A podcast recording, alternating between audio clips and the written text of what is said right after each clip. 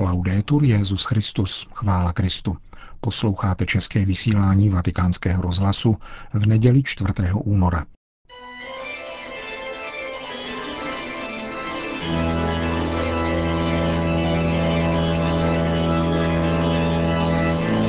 Církev a svět, náš nedělní komentář, připravil a hovoří otec Richard Čemus.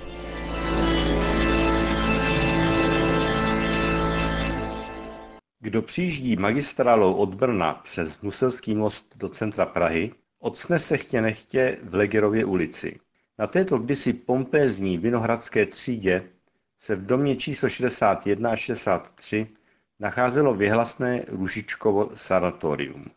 Komunisté si z něho udělali exkluzivní nemocnici a dnes je tento nejschátralejší dům na nejzamořenější pražské ulici jakýmsi provizorním památníkem je pokusem vyrvat z chapadel zapomnění místo, kde se udály dva z nejtragičtějších příběhů našich novodobých dějin.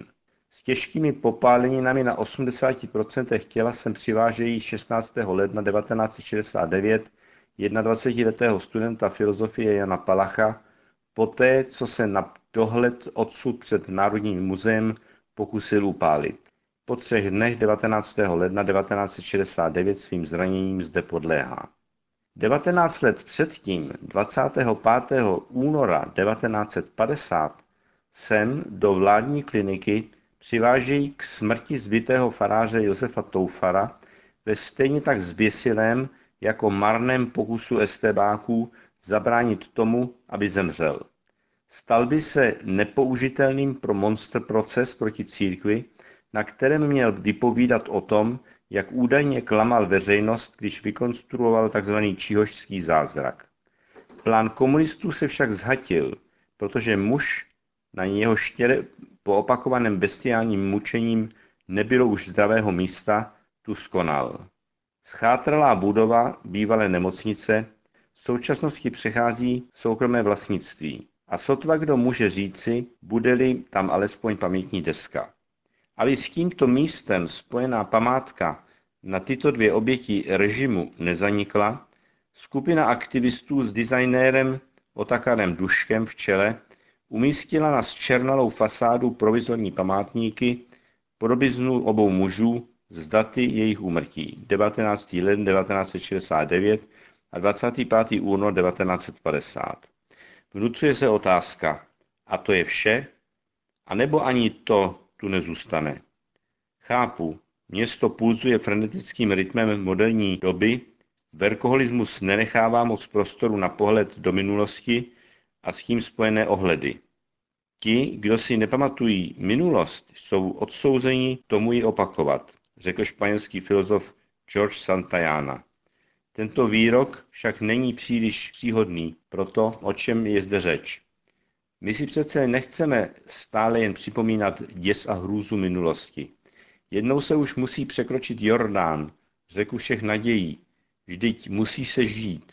Přesto, či právě proto, se ptáme, nenašli hasiči jako dosavadní vlastníci skutečně žádný pádný argument pro to si budovu nechat a uchovat ji pro nové generace? Nebyl by to zdroj motivace pro jejich tak náročnou a sebeobětavou službu? Všichni bychom si přáli, aby se tyto kruté stránky našich dějin už nemuseli připomínat, tím méně psát znovu, ale kde máme záruku, že se tak nestane? Postojíme-li chvilku v Legerově ulici s výhledem na ty schátralé domy hrůzy, může být, že i přes velký hluk plechové laviny aut se v našem nitru rozhostí hluboké ticho. Sejdeme-li k muzeu a v horní části Václavského náměstí barbarsky odtrženého magistrálou Postojíme na místě, kde kříž v chodníku připomíná Janův celopal. Duše stěžkne. Tu však za zrakem vystane zázrakem v celém svém majestátu socha svatého Václava, který ze sedla svého koně vévodí náměstí, městu a potažmo celé zemi. Což zde může v morku kostí nezaznít hluboký tón chorálu? Posvátná místa skrýváš v sobě, Praho co vše tu je skryto povrchnímu pohledu, živeno údivem, že ještě žijem, navzdory zžírajícím pochybám, jestli soudrům zde tehdy odzvonilo nebo ne. Ne, nezoufat si. My byli jsme a budem. A život se musí žít, nepřežívat. Jsou lidské příběhy, třeba i velmi dávné, a přesto nám tak blízké a tak živé, jako by se udály dnes, jako by se nás přímo týkali, jako bychom byli jejich součástí. Jsou to příběhy velkého lidského utrpení, prohry, anebo naopak nečekaného vítězství Davida nad Goliášem. Jako slované máme v genech, nebo spíš v srdci, silný soucit s nevinnými a bezbranými. První svatí východních Slovanů, synové kijevského velkoknížete Vladimíra, Boris a Gleb, byli ještě děti, když se stali obětí bratrovraždy v boji o následnictví trůnu. Svatováclavská legenda ve staroslovenštině tak pronikla do duše východních Slovanů, že jméno Ludmila považují za své. Boris a Gleb nemohli být zařazeni mezi mučedníky, neboť nezemřeli pro víru. Vymysleli si pro ně tedy novou kategorii svatosti. Strastotěrci. To jsou ti, kteří snášeli násilí a nekladli mu odpor. Tento svatováclavský rys, který najdeme u Borise a Gleba, se pak vyne slovanskou kulturou a spiritualitou až k Lvu Tolstému a přes něj k Mahatma Gandhimu, který si s Tolstým dopisoval. A kam zařadit Jana Palacha? Palachova oběť se zařadit nedá.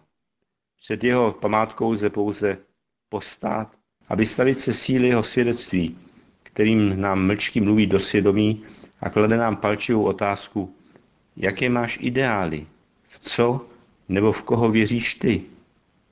Život jsme si nedali, nemáme si jej ani brát.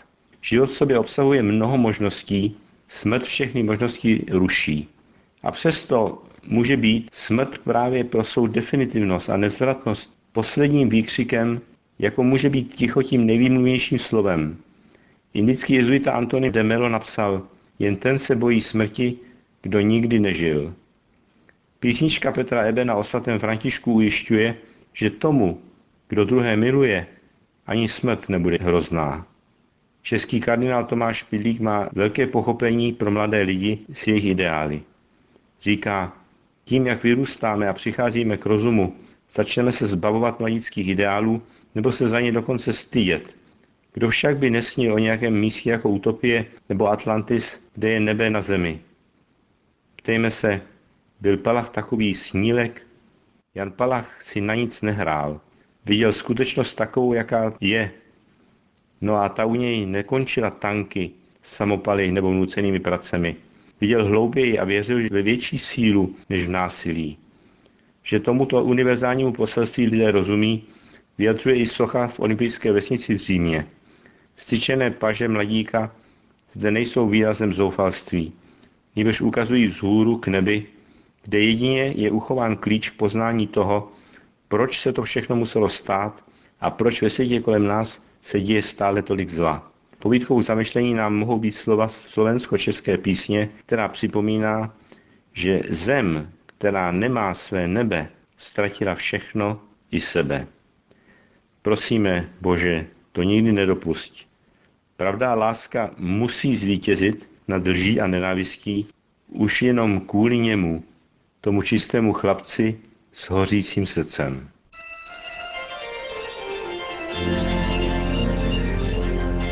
Nedělní komentář Církev a svět připravil otec Richard Čemus.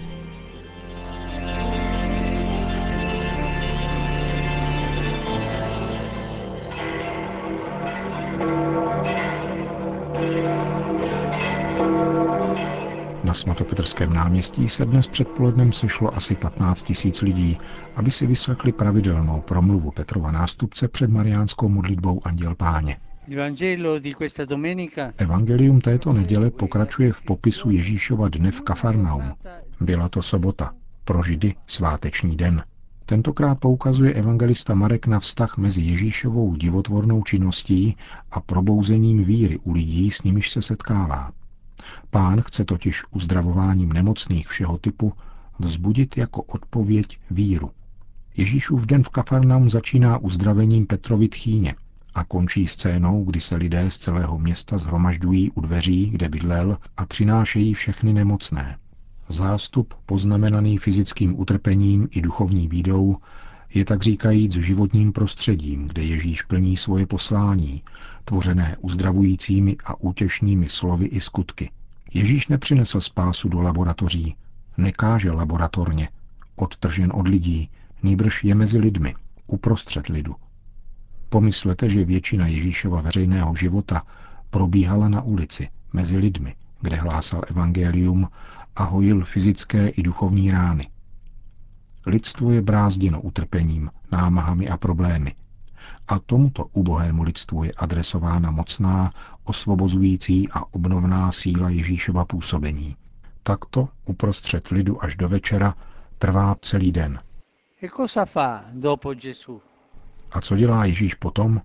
Následujícího dne, brzy ráno, aniž by byl spatřen, odchází za město na opuštěné místo a tam se modlí. Ježíš se modlí a tak oprošťuje sebe i svoje poslání od triumfalistické koncepce, která znehodnocuje smysl jeho zázraků i jeho charismatickou moc. Zázraky jsou totiž znamení, která vybízejí k odpovědi víry. Znamení jsou vždycky doprovázena slovy, která je osvěcují, a znamení i slova současně vzbuzují božskou silou Kristovy milosti víru a konverzi. Závěr dnešního úryvku ukazuje, že Ježíšovo zvěstování Božího království nachází své místo právě na ulici. Učedníci, kteří jej šli hledat na místo, kde se modlil, jej totiž chtěli přivést zpět do města. Ale co jim odpověděl? Pojďme jinam, do blízkých městeček, abych i tam kázal. Taková byla cesta Božího syna a taková bude cesta jeho učedníků. Taková má být cesta každého křesťana. Cesta, jakožto místo radostné zvěsti Evangelia, ukazuje, že poslání církve se uskutečňuje ve znamení chození, putování, v znamení pohybu a nikdy ne statičnosti. Pana Maria, ať nám pomáhá, abychom byli otevřeni hlasu Ducha Svatého, který nabádá církev přebývat stále více mezi lidmi a všem přinášet uzdravující slova Ježíše, jenž je lékařem duše i těla. E po hlavní promluvě římský biskup připomněl, že v Itálii na dnešek připadá Den pro život, vyhlášený italskou biskupskou konferencí. Připojují se k poselství biskupů a vyjadřují své uznání a povzbuzení různým církevním institucím, které mnoha způsoby prosazují a podporují život, zejména hnutí pro život, jehož zde přítomné exponenty zdravím. Není jich mnoho a to mi dělá starost. Není mnoho těch, kdo zápasí za život ve světě, kde se denně vyrábějí další zbraně a denně se tvoří další zákony namířené proti životu. Denně se šíří skartační kultura, která zahazuje, co nepotřebuje a co ji obtěžuje. Modleme se prosím, aby v těchto chvílích destrukce a skartace lidstva měl náš lid silnější vědomí obrany života. Potom se svatý otec obrátil na všechny s následujícím oznámením. Vzhledem k trvajícím tragickým konfliktům v různých částech světa vybízím všechny věřící k účasti na zvláštním dnu modlitby a půstu za mír v pátek 23. února prvního postního týdne. Obětujeme jej zejména za obyvatelstvo Demokratické republiky Kongo a Jižního Sudánu. Náš nebeský Otec stále naslouchá svým dětem, které k němu volají v úzkostech a bolestech. Uzdravuje ty, jim špuká srdce a jejich rány obvazuje. Vyslovuji tuto důraznou výzvu, abychom také my uslyšeli tento křik a každý si položil ve svém svědomí před Bohem otázku, co mohu učinit pro mír. Zajisté se můžeme modlit, ale nejenom to – Každý může konkrétně odmítat násilí, nakolik to na něm nebo na ní závisí. Vítězství dosažené násilím je totiž falešné, avšak práce pro mír prospívá všem. Po společné mariánské modlitbě Anděl Páně Petrův nástupce všem požehnal. Benedicat vos, omnipotens Deus, Pater et Filius et Spiritus Sanctus. Amen.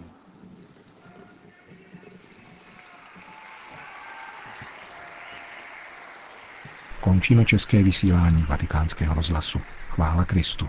Laudetur Jezus Christus.